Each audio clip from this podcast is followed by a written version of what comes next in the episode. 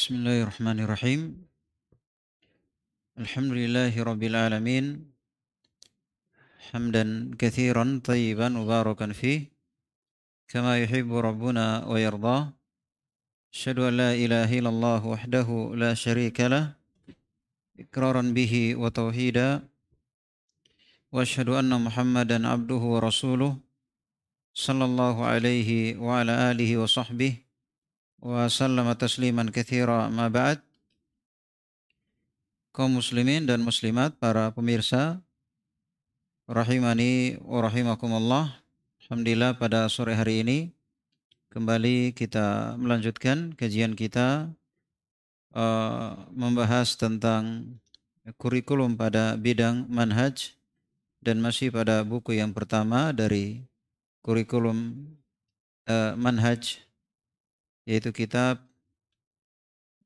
uh, Minhaju Al-Firqatin Najiyah wa Ta'ifatil Mansura karya Syekh Muhammad bin Jamil Zainu rahimahullahu taala.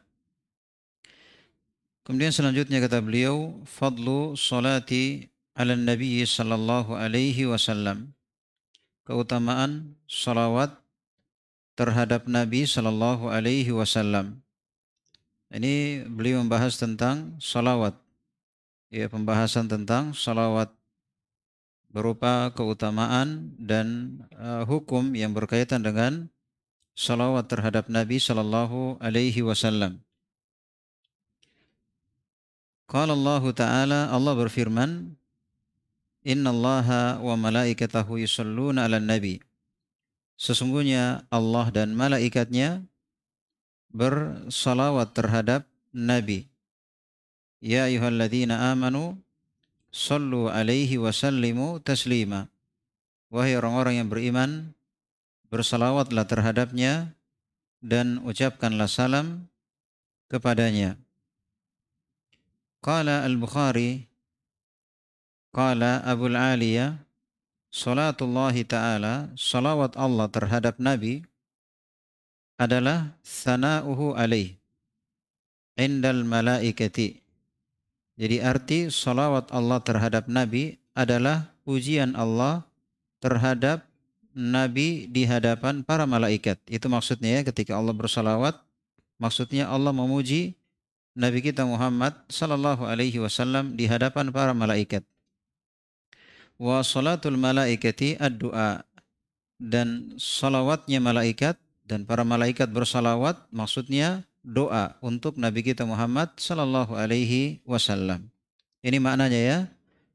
Jadi adapun Allah yang bersalawat untuk Nabi itu pujian. Pujian Allah Subhanahu wa taala terhadap uh, Nabi kita Muhammad sallallahu alaihi wasallam di hadapan para malaikat.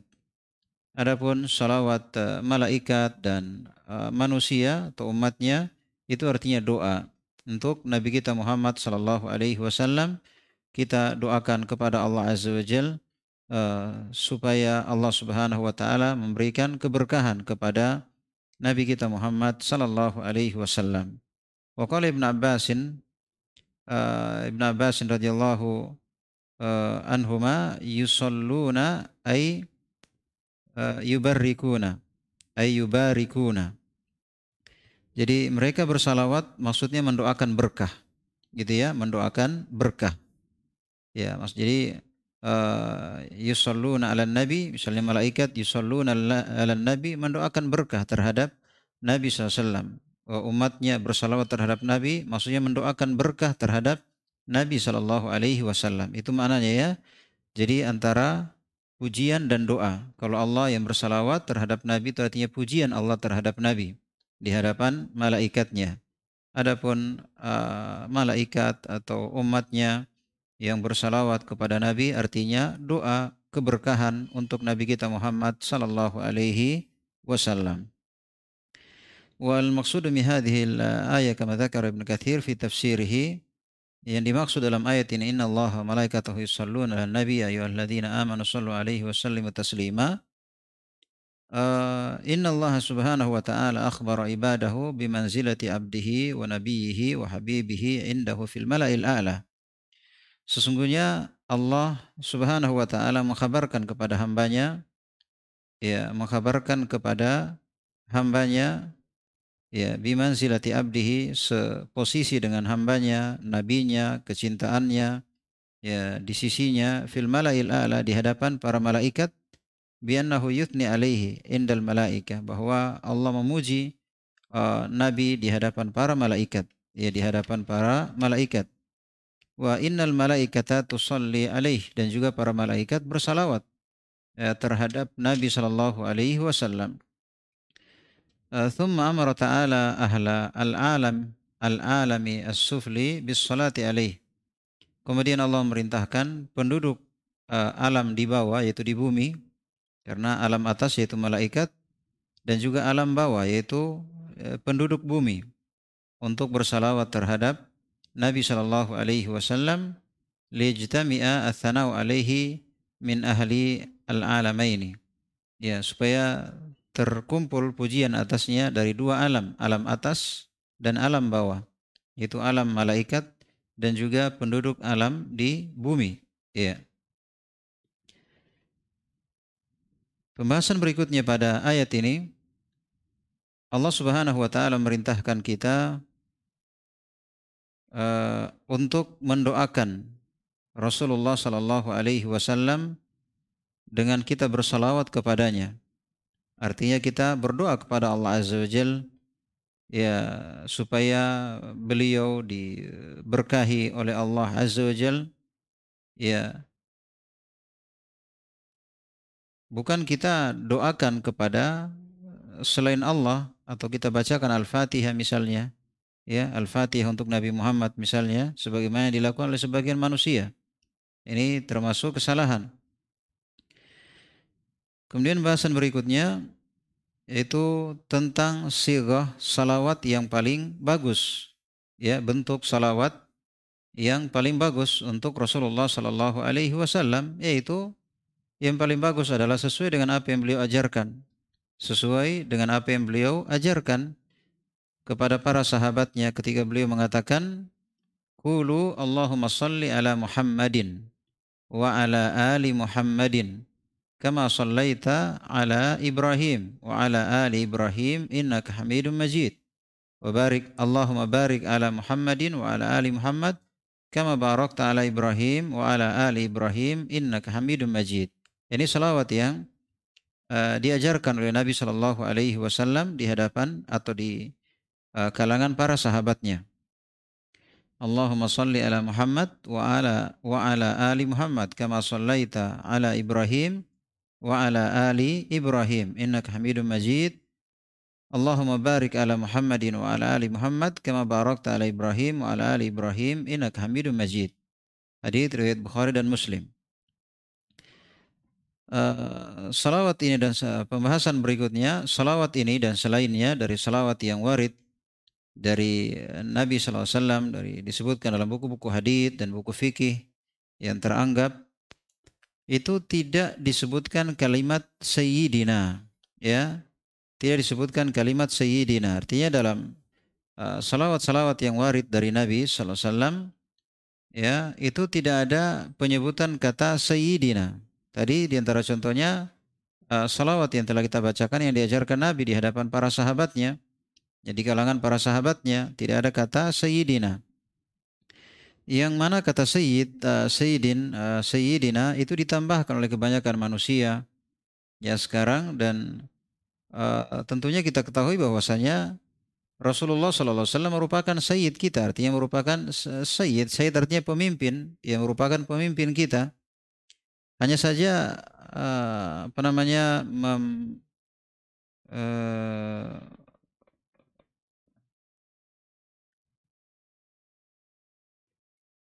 hanya saja terikat dengan ya terikat dengan kalam Rasul ya dengan kalam Rasul itu sesuatu yang wajib.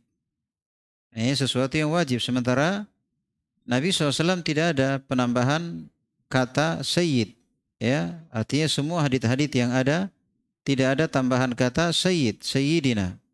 Ya dan tentunya ibadah itu dibangun di atas an-nakal dibangun di atas nukilan artinya apa yang kita nukil dari Nabi Shallallahu Alaihi Wasallam itulah agama dibangun la ala al akal bukan dibangun di atas akal Ya, tapi dibangun di atas an-naqal yaitu nukilan yang kita nukil dari Nabi Shallallahu alaihi wasallam. Taib. Ini ya jadi tambahan Sayyidina ya kalau di hadith-hadith yang warid dari Nabi tidak ada kata Sayyidina. Taib dan uh, dibahasnya tadi ya bahwa ibadah dibangun di atas dalil. Ibadah dibangun di atas dalil. Taib. Kemudian yang berikutnya uh, Nabi Shallallahu Alaihi Wasallam bersabda, "Idza sami'tumul muadzin, faqulu mithla ma yaqul." Kalau kalian mendengarkan muadzin, maka ucapkan seperti yang diucapkan oleh muadzin. Kemudian, "Tsumma sallu alayya." Kemudian kalian bersalawatlah kepadaku. Fa innahu man shalla alayya salatan, karena siapa yang bersalawat kepadaku satu kali, sallallahu alaihi biha asharan, ashran. Allah akan bersalawat kepadanya sepuluh kali. Ya, Allah akan bersalawat kepadanya sepuluh kali. Jadi perhatikan tadi ya, ketika Allah bersalawat terhadap Nabi artinya pujian. Allah Subhanahu wa taala memuji uh, uh, hambanya di hadapan para malaikat. Nah, sini siapa yang bersalawat terhadap Nabi, maka Allah akan bersalawat kepadanya eh, satu kali dia bersalawat kepada Nabi, maka Allah akan bersalawat kepadanya sepuluh kali. Ya kan Allah akan memujinya di hadapan para malaikatnya sebanyak sepuluh kali. Thumma salullaha li al-wasilah. Kemudian mintakanlah kepada Allah, mintakanlah untuk saya, ya, mintakanlah kepada Allah untuk saya al-wasilah. Al-wasilah, uh, beliau menjelaskan, itu Nabi sendiri menjelaskan tentang makna al-wasilah. Fa innaha manzilatun fil jannah. Al-wasilah adalah jenjang di surga. Ya, la tambagi illa li abdin min ibadillah. Tidak ada yang pantas mendapatkan jenjang ini, tempat ini kecuali salah seorang hamba dari hamba Allah. Ya, wa arju an akuna anahu dan saya berharap sayalah yang mendapatkan jenjang atau posisi tersebut. Faman sa'ala li al-wasilata halat lahu asyafa'ah. Ya, halat lahu asyafa'atu.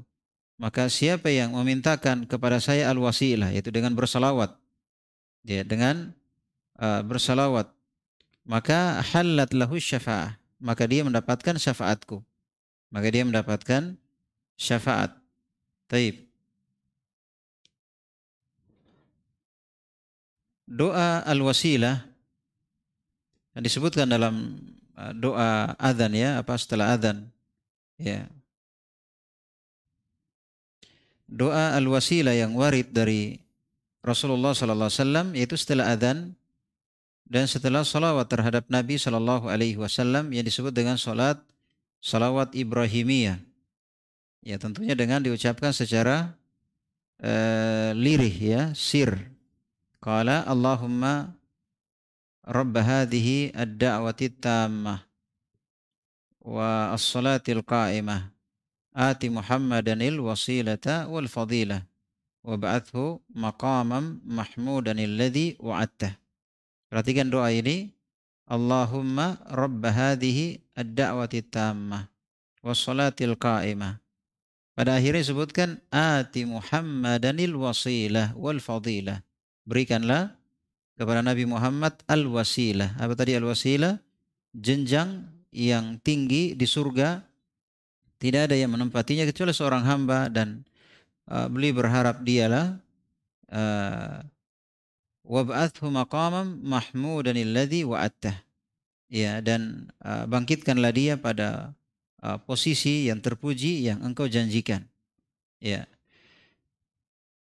Ini ya di antara uh, permintaan uh, apa namanya wasilah yaitu berdoa agar Nabi Sallallahu Alaihi Wasallam mendapatkan al wasilah yaitu setelah adzan doa setelah adzan ya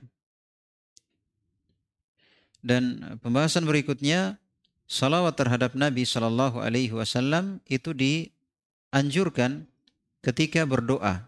Jadi ketika sedang berdoa itu kita uh, hiasi doa kita dengan salawat. Ya kita hiasi doa kita dengan salawat. Sebagaimana sabda Nabi sallallahu alaihi wasallam dalam hadis riwayat Al-Baihaqi kullu du'ain uh, mahjubun hatta yusalla ala nabi sallallahu alaihi wasallam. Setiap doa itu terhalang. Maksudnya terhalang dari dikabulkan. Hingga doa tersebut diisi atau disertai uh, dengan salawat terhadap Nabi Shallallahu Alaihi Wasallam. Ia hadith dihasankan oleh Al Baihaqi. Jadi setiap doa uh, terhijab untuk dikabulkan, ya maksudnya tertahan untuk dikabulkan hingga uh, disertai dengan salawat atas Nabi Shallallahu Alaihi Wasallam.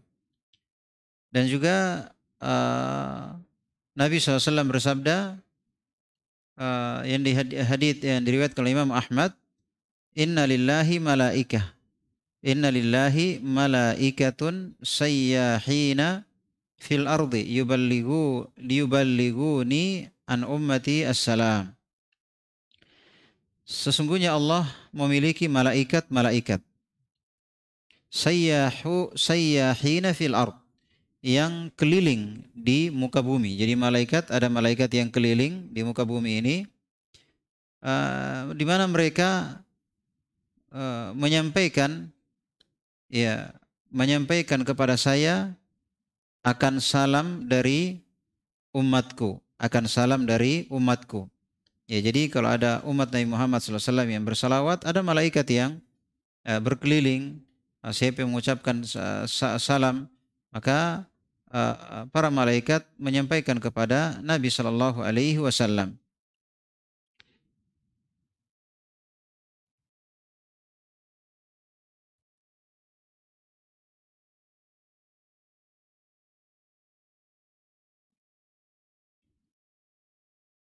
Dan salawat terhadap Nabi Shallallahu Alaihi Wasallam itu sangat dituntut khususnya pada hari Jumat. Ya khususnya pada hari Jumat banyak-banyak bersalawat terhadap Nabi SAW. Allahumma salli ala Muhammad. Wahia min afdali al-qurubat dan uh, salawat kepada Nabi termasuk uh, bentuk takarrub yang yang uh, mulia dan bentuk tawasul uh, yang disyariatkan ketika berdoa. Ya, tawasul yang disyariatkan ketika berdoa. Karena uh, salawat termasuk amal soleh. Ya, dan kita boleh bertawasul dengan amal soleh yang kita lakukan. Ya, dan boleh kita bertawasul dengan amal soleh. Sudah dibahas ya tentang bolehnya tawasul yaitu dengan menggunakan nama-nama Allah atau sifat-sifatnya atau amal soleh yang kita lakukan. Dan solawat ini termasuk amal soleh. Ya, misal kita katakan Allahumma bisolati ala nabiyyika. Allahumma bisolati ala nabiyyika farrij anni karbati. Ya. Wah, terus disebutkan doanya kemudian dia tutup wa sallallahu ala Muhammadin wa ala alihi wasallam. Saya mengatakan Allahumma bisolati ala nabiyyik Ya Allah dengan perantara salawatku terhadap nabimu gitu ya. Ya Allah dengan perantara salawatku terhadap nabimu. Nah, ini sebelum dia minta dia jadikan wasilah dulu perantara. Apa itu? Salawat. Ini boleh ya karena salawat termasuk amal saleh. Jadi dia mengatakan ya Allah dengan uh, salawatku terhadap nabimu maka farrij anni kerbati uh, lapangkanlah atau uh, hilangkanlah uh, masalahku. Ya hilangkanlah masalahku. Ya kemudian dia berdoa apa yang dia minta.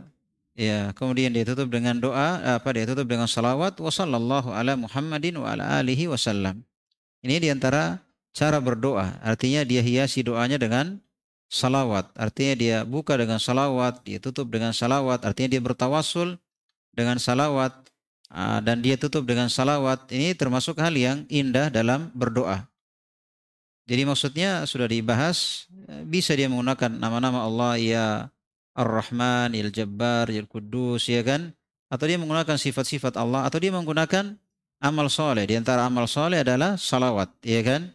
Tadi ya, ya Allah, dengan salawatku terhadap nabimu ya kan mudahkanlah rezekiku lapangkanlah apa namanya rezekiku sembuhkanlah sakitku hilangkanlah masalahku ya kan berilah aku solusi kemudian ditutup doanya wa sallallahu ala nabiyina Muhammadin wa alihi wa sahbihi atau wa alihi wasallam atau semisal itu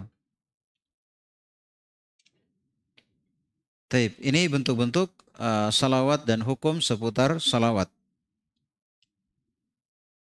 Kemudian bahasan berikutnya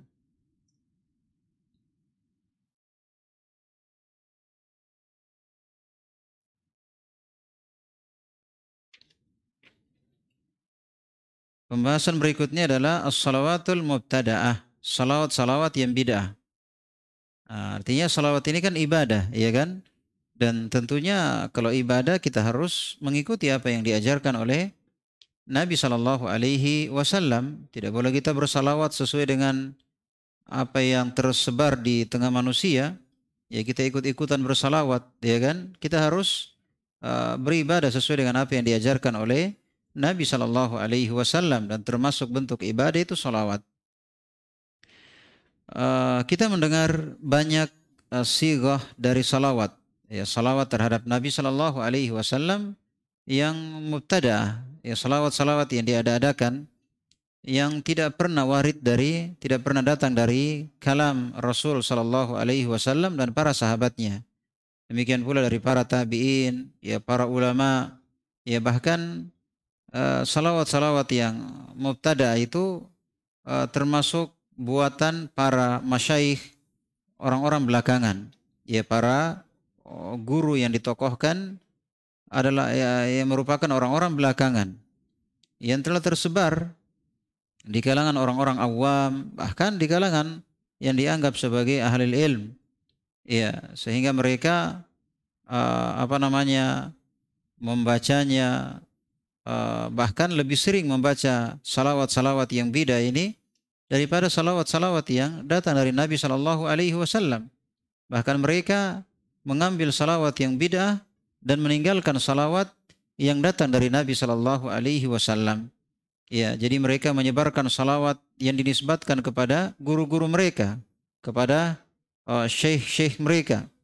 Ya, seandainya kalau kita perhatikan pada salawat-salawat yang ada, ya dari salawat yang bid'ah, kita melihat banyak uh, bentuk salawat ini menyelisihi petunjuk Rasulullah Shallallahu Alaihi Wasallam Ya, di antara bentuk salawat tersebut adalah sebutkan di sini beberapa bentuk salawat. Yang pertama, jadi salawat-salawat yang beda ya. Yang pertama, Allahumma salli ala Muhammadin tibbil qulubi wa dawaiha wa afiyatil abdani wa shifaiha wa nuril absari wa diyaiha wa ala alihi wasallam. Ini salawat yang beda yang artinya Allahumma salli ala Muhammad. Ya Allah, berilah salawat terhadap Nabi Muhammad. Tibbil qulubi wa dawaiha. Dokter hati dan penyembuhnya. Artinya yang menyembuhkan hati. Wa afiyatil abdani wa shifaiha. Ya, uh, penyembuh badan dan obatnya. Wa nuril absari wa diyaiha. Ya, cahaya apa namanya? mata ya cahaya mata dan ya, ya, cahaya uh, mata wa ala alihi wasallam. Nah, sementara kalau kita belajar akidah yang benar bahwa tidak ada yang menyembuhkan hati ataupun badan ya kecuali Allah Subhanahu wa taala, bukan Nabi Muhammad SAW. Ya kan? Bukan Nabi Muhammad sallallahu alaihi wasallam. Artinya Nabi Muhammad sekalipun tidak bisa memberikan manfaat dan tidak bisa memberikan bahaya kecuali atas izin Allah Subhanahu wa taala. Ya, tidak bisa serta merta Nabi Muhammad menyembuhkan ya, menghilangkan uh, gunda gulana di hati, menyembuhkan penyakit pada badan.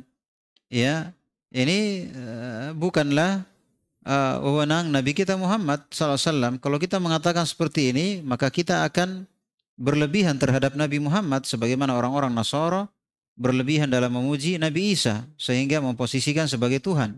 Sama di sini sudah mengangkat posisi Nabi Muhammad sebagai Tuhan, ya penyembuh.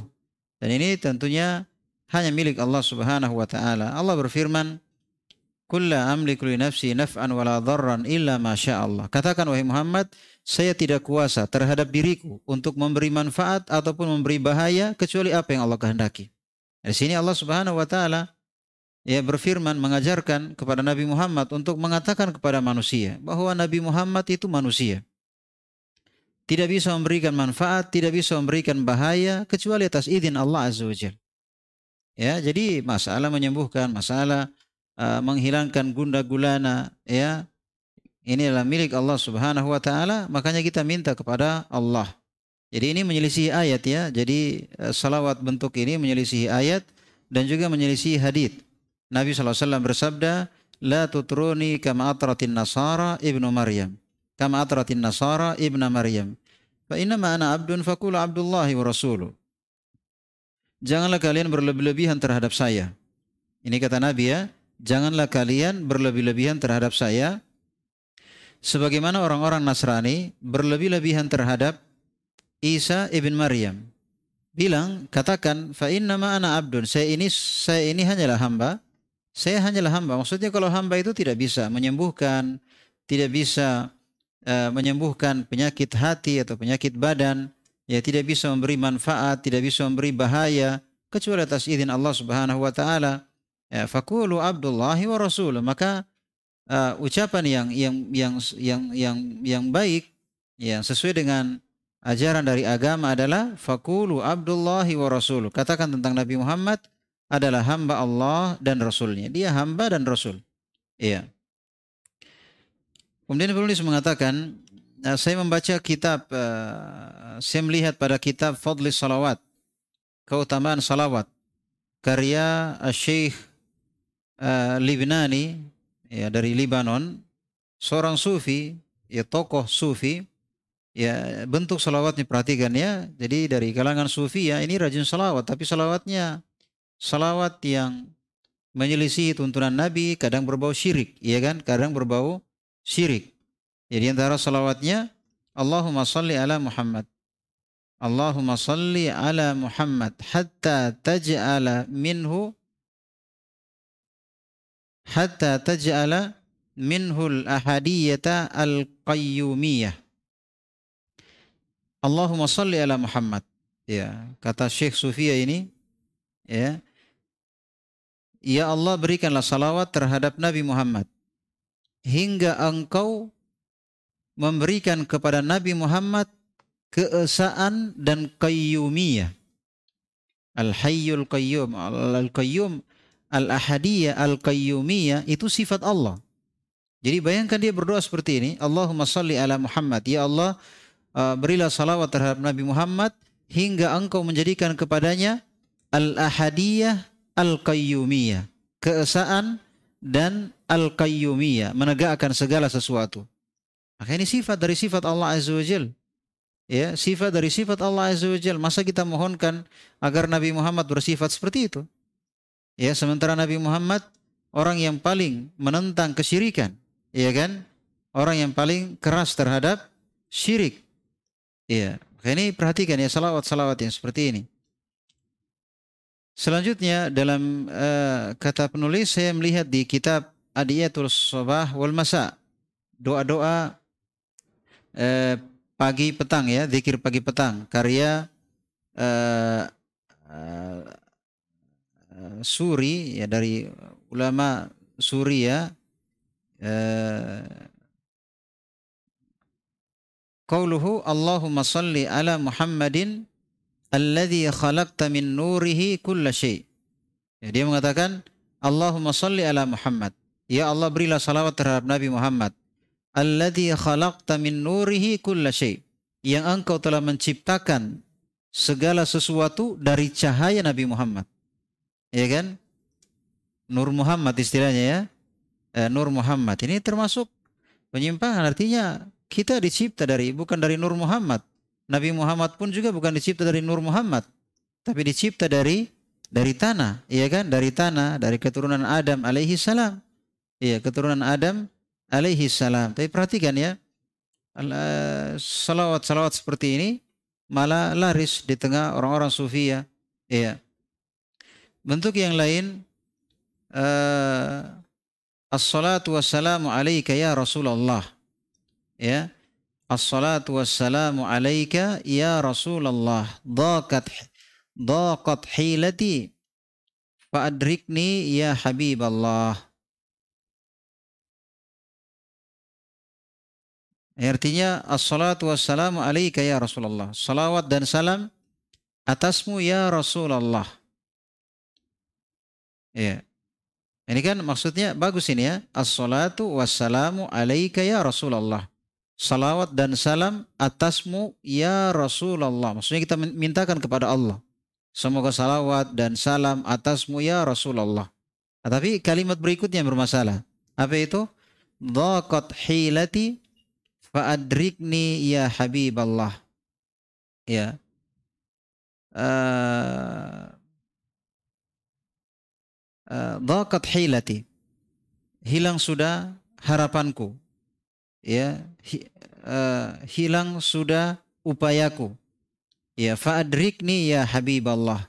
Maka berikanlah ya harapan tersebut ya ya Habiballah. Ini sudah minta kepada Nabi. Sudah meminta kepada Nabi. Tadi mintanya kepada Allah tapi kalimat yang kedua ini mintanya sama Nabi. Ya, maksudnya dia sudah nggak ada daya lagi, sudah nggak ada upaya, maka berikanlah daya tersebut wahai Rasulullah, ya kan?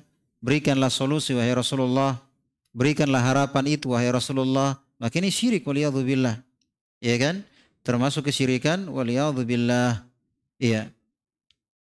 Ini bertentangan dengan ayat Allah Subhanahu wa taala berfirman, "Amma yujibul muttarra idza da'ah wa yakshifu Siapakah yang menghilangkan al-muttar, orang yang gawat. Siapa yang menghilangkan kegentingan dalam orang yang dalam kondisi genting. Idza da'ah ketika dia berdoa, wa yakshifu dan siapa yang menghilangkan kejelekan, menghilangkan bencana, musibah. Jawabannya Allah Azza wa Jal. Ini mintanya sama Nabi Muhammad. Ya kan? Maka ini kesyirikan.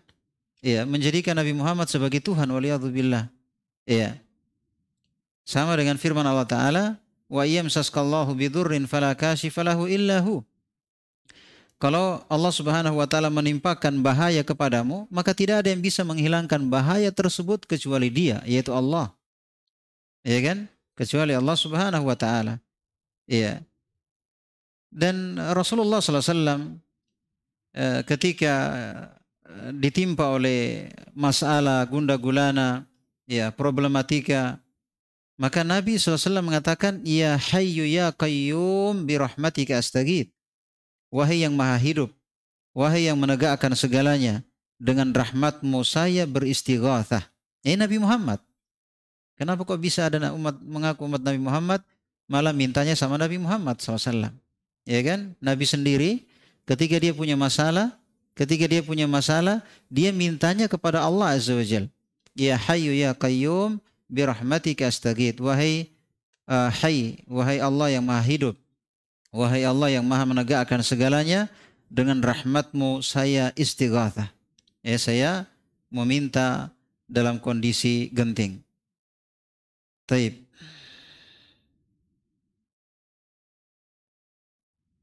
Jadi pada salawat tadi ini salawat yang berbau syirik ya. Ya, assalatu wassalamu alaika ya Rasulullah Dhaqat hilati fa'adrikni ya Habiballah. Ya. Kalimat yang pertama ini bagus. Assalatu wassalamu alaika ya Rasulullah. Ini mintanya kepada Allah. Tapi dhaqat hilati fa'adrikni ya Habiballah. Ini permintaan kepada Nabi SAW. Hilang sudah upayaku. Tidak ada lagi jalan. Maka selamatkanlah saya wahai Rasulullah. Itu maknanya ya. Itu maknanya. Sudah tidak ada jalan. Darurat sudah buntu sudah selamatkan ya Rasulullah. Ini seperti ini tidak ada yang menyelamatkan kecuali siapa? Allah Subhanahu wa taala. Taib. Kemudian juga ada salawat namanya salawat Fatih. Salawat Fatih. Fatih artinya pembuka. Jadi orang kalau nanti baca salawat ini nanti akan dapat solusi, ya kan? Dapat solusi. Banyak sekali ya salawat bid'i ya, salawat-salawat yang bid'ah. Bahkan bukan cuma bidah tapi mengarah kepada kesyirikan. uh, salat salawat Fatih. Ini ma'ruf di kalangan sufi ya, ya. Salawat Fatih. Dan uh, sigahnya Allahumma salli ala Muhammadin al-Fatih lima ugliq. Ya, ini ngeri juga ya. Allahumma salli ala Muhammad. Ya Allah, berilah salawat terhadap Nabi Muhammad. Di mana Nabi Muhammad itu adalah Al-Fatih lima uglik. Dia adalah Al-Fatih, pembuka apa yang tertutup. Maksudnya pemberi solusi di tengah masalah. Ya, ada masalah, ada sesuatu yang buntu, ada yang darurat, ada yang gawat. Nah, Nabi Muhammad itu sebagai pembukanya. Ya, pemberi solusinya, menghilangkan masalah. Dan ini sudah apa namanya menempatkan posisi Nabi Muhammad sallallahu alaihi wasallam eh, mengangkat posisi Nabi Muhammad di, sama dengan atau setara dengan Allah azza wajalla. Iya. Jadi orang yang mengatakan uh, membaca salawat ini uh, meyakini bahwa siapa yang membacanya, siapa yang membaca salawat ini, Allahumma salli ala Muhammad, Al-Fatih lima uglik dan seterusnya, uh, itu lebih lebih bagus daripada membaca Al-Quran uh, bisitati alaf marrah. Uh, apa namanya? enam ribu kali. Jadi ketika dia baca salawat ini lebih bagus daripada dia baca Quran enam ribu kali. Ya, dan itu dinukil dari Syekh Ahmad At-Tijani termasuk tokoh tokoh Tariqah Tijaniyah. Ya, jadi ini ada salawat seperti ini.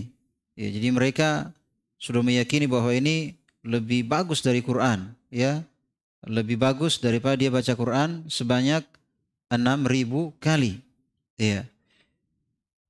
Tentunya seorang muslim yang masih berakal ya uh, tentunya dia akan tahu tentang sigo-sigo atau bentuk-bentuk salawat yang uh, bid'ah ya dan dia tahu bahwasanya uh, bagaimana keutamaan membaca kalamullah itu membaca Al-Qur'an ya jangankan eh, apa namanya membaca salawat ini sama dengan Al-Qur'an? Ya sama dengan jangankan 6000 kali ya sama dengan Al-Qur'an pun tidak. Ya kan? Sama dengan Al-Quran satu kali pun tidak. Ya kan? Apalagi harus uh, mesti 6000 kali ya. Oke ini tentunya tidak uh, tergambar di benak seorang muslim yang masih uh, benar akalnya. Ya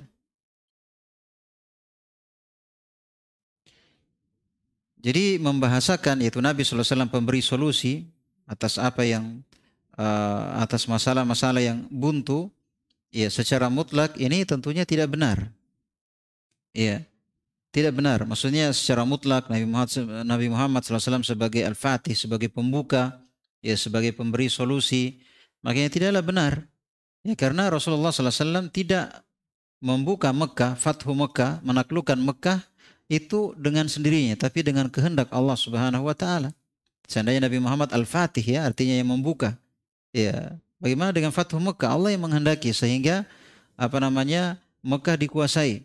Ya, dan bahkan Nabi SAW tidak bisa membuka hati pamannya untuk menerima Islam. Ya, untuk menerima Islam. Ya, bahkan pamannya meninggal di atas kesyirikan. Ya, kalau Nabi Muhammad itu pembuka, ya mana mungkin dia biarkan pamannya orang yang dia cintai dalam keadaan uh, apa namanya uh, mati dalam keadaan kufur.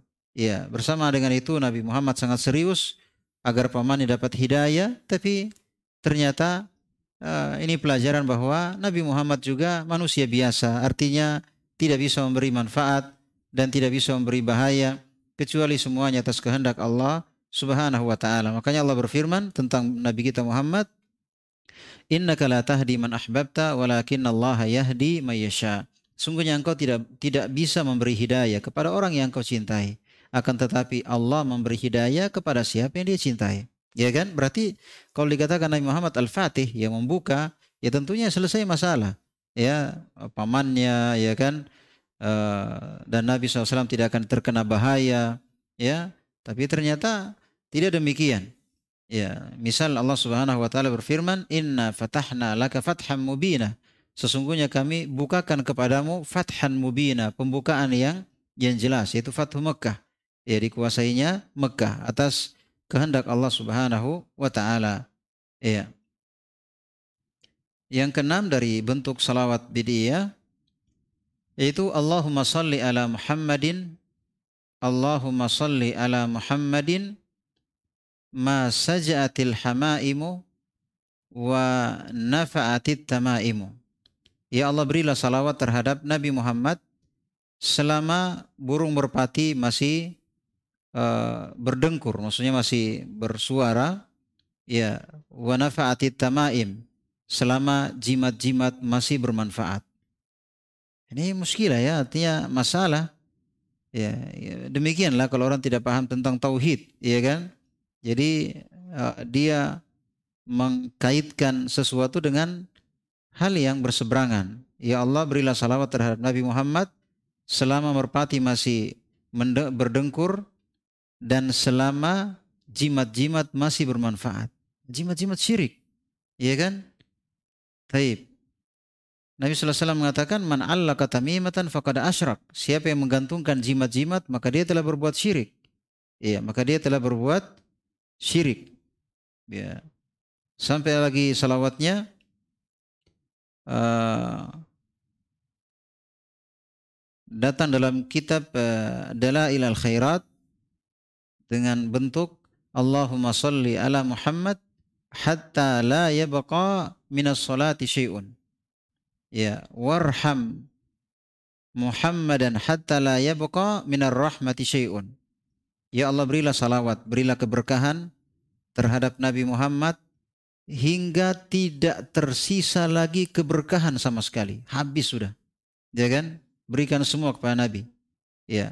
Warham Muhammadan dan rahmatilah Muhammad hingga tidak tersisa lagi rahmat sama sekali. Nah, ini juga apa ya artinya eh,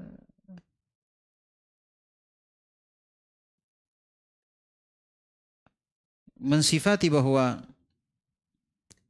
eh, rahmat dan keberkahan atau perbuatan Allah Subhanahu wa taala itu bisa habis, bisa habis atau berkurang dan bisa habis ini dikatakan sampai tidak tersisa lagi uh, keberkahan darimu, tidak tersisa lagi rahmat darimu. Iya. Ini mengesankan bahwasanya rahmat Allah, ya, perbuatan Allah, kasih sayang Allah, keberkahan dari Allah itu habis. Ya kan?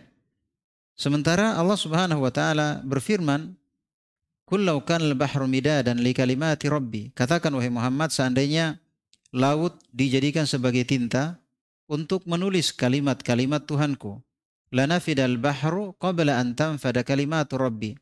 Akan habis uh, lautan itu sebelum selesai ditulis kalimat-kalimat Tuhanku.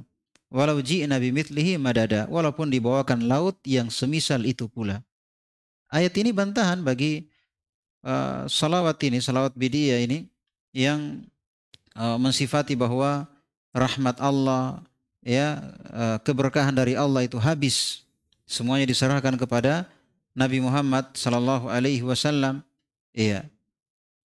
Kemudian yang berikutnya yang ketujuh ada namanya salawat basyishiyah. Ya, salawat basyishiyah. Iya. Ini uh, dari Ibnu Bashish ya, Ibnu Bashish. Ya, dia mengatakan Allahumma ya Allahumma shalni min awhali tauhidi wa aghrikni fi aini bahril wahdati wa zujja bi fil ahadiyati hatta la ara wa la asma wa la asma wa la uhissu illa biha. Ya, perhatikan ya ini um, luar biasa ya artinya fatal ini ya, artinya sudah mengingkari adanya Tuhan. Kalau salawat ini, ya, dia mengatakan, Allahumma, ya Allah, keluarkanlah saya dari lumpur tauhid. Jadi dia meyakini bahwa tauhid itu lumpur, kotoran begitu ya. Ya, keluarkanlah saya dari lumpur tauhid wa aghrikni fi aini bahril wahdati dan tenggelamkanlah saya dalam mata air lautan wahdah, lautan uh, keesaan, maksudnya menyatu dengan Tuhan. Ya, tenggelamkanlah saya di situ, maksudnya menyatu dengan Tuhan. Wa zujjabi fil ahadiyati. Ya. Uh, wa zujjabi uh, fil ahadiyah. Ya. Lemparkanlah saya ke dalam ahadiyah ke dalam keesaan. Ya. Maksudnya sudah menyatu dengan Tuhan. Hatta la ara hingga saya tidak melihat lagi. Wala asma tidak mendengar. Wala uhis tidak merasakan. Kecuali keesaan. Maksudnya apa yang dia lakukan sudah Tuhan. Ya. Apa yang dia eh, dengar, apa yang dia lihat, apa yang dia rasa sudah Tuhan karena sudah menyatu. Jadi semuanya Tuhan sudah karena sudah menyatu. Jadi hakikatnya ini uh, akidah wahdatul wujud. Artinya meyakini bahwa Allah Subhanahu wa taala menyatu dengan makhluknya. Pada hakikatnya orang-orang yang berkeyakinan seperti ini itu meyakini tidak ada Tuhan. Ya, maksudnya menyatu dengan dengan dengan dengan dengan makhluk, maksudnya tidak ada Tuhan sudah. Ya, sampai dikatakan oleh tokoh mereka, "Wa mal kalbu wal khinziru illa ilahuna, wa mallahu illa rahibun fi kanisatin." Ya. Tidaklah anjing babi kecuali sembahan kami. Dan tidaklah Allah kecuali pendeta di e, gereja. Maksudnya karena Allah itu sudah menyatu dengan makhluk. Jadi babi-babi, anjing-anjing itulah Allah. Pendeta di gereja itulah Allah. Menyatu dengan makhluk. Waliyahzubillah. Jadi pada hakikatnya mereka ini berarti sudah nggak ada Tuhan. Karena semua sudah Tuhan. Sudah makhluk ini Tuhan sudah. Sudah menyatu. Jadi sudah nggak ada Tuhan. Iya. Ini hancurnya ya. Jadi orang-orang Nasara saja itu mereka kufur ya di antaranya hanya mensifati Nabi Isa anak Tuhan. Artinya mensifati Nabi Isa anak Tuhan. Sementara ini ya mereka ini menjadikan seluruh makhluk berserikat dengan Allah. Seluruh makhluk sudah menyatu dengan uh, Allah Allah sudah menyatu dengan seluruh makhluk. Iya. Maka maha suci Allah Subhanahu wa taala dari apa yang diucapkan oleh orang-orang musyrikin ini. Oleh karenanya wahai saudara muslim ya hendaknya kita waspada dari salawat-salawat yang bid'iyah karena kadang kita nggak tahu artinya ternyata syirik waliyadzubillah kadang ke, kekufuran ya ya oleh karenanya hendaknya kita berpegang teguh dengan apa yang datang dari Rasulullah SAW yang beliau tidak berucap dari hawa nafsu yang uh, dengan mengikuti beliau itulah petunjuk dan keselamatan dan menyelisihi beliau itu merupakan amalan yang tertolak sebagaimana sabda Nabi Shallallahu Alaihi Wasallam man amil amalan laisa alaihi amruna fahuwa rad. Siapa yang mengamalkan uh, suatu amalan yang tidak ada tuntunannya dari kami maka tertolak. Iya Taib ini ya apa yang bisa kita jelaskan pada uh, kesempatan uh, sore hari ini. Uh, semoga apa yang kita dengarkan uh, bermanfaat bagi kita semua. Mohon maaf atas segala kekurangan. Subhanakallahumma bihamdik. Asyhadu an la ilaha illa anta astaghfiruka wa atubu ilaik wa akhiru da'wana alhamdulillahi rabbil alamin. Hmm.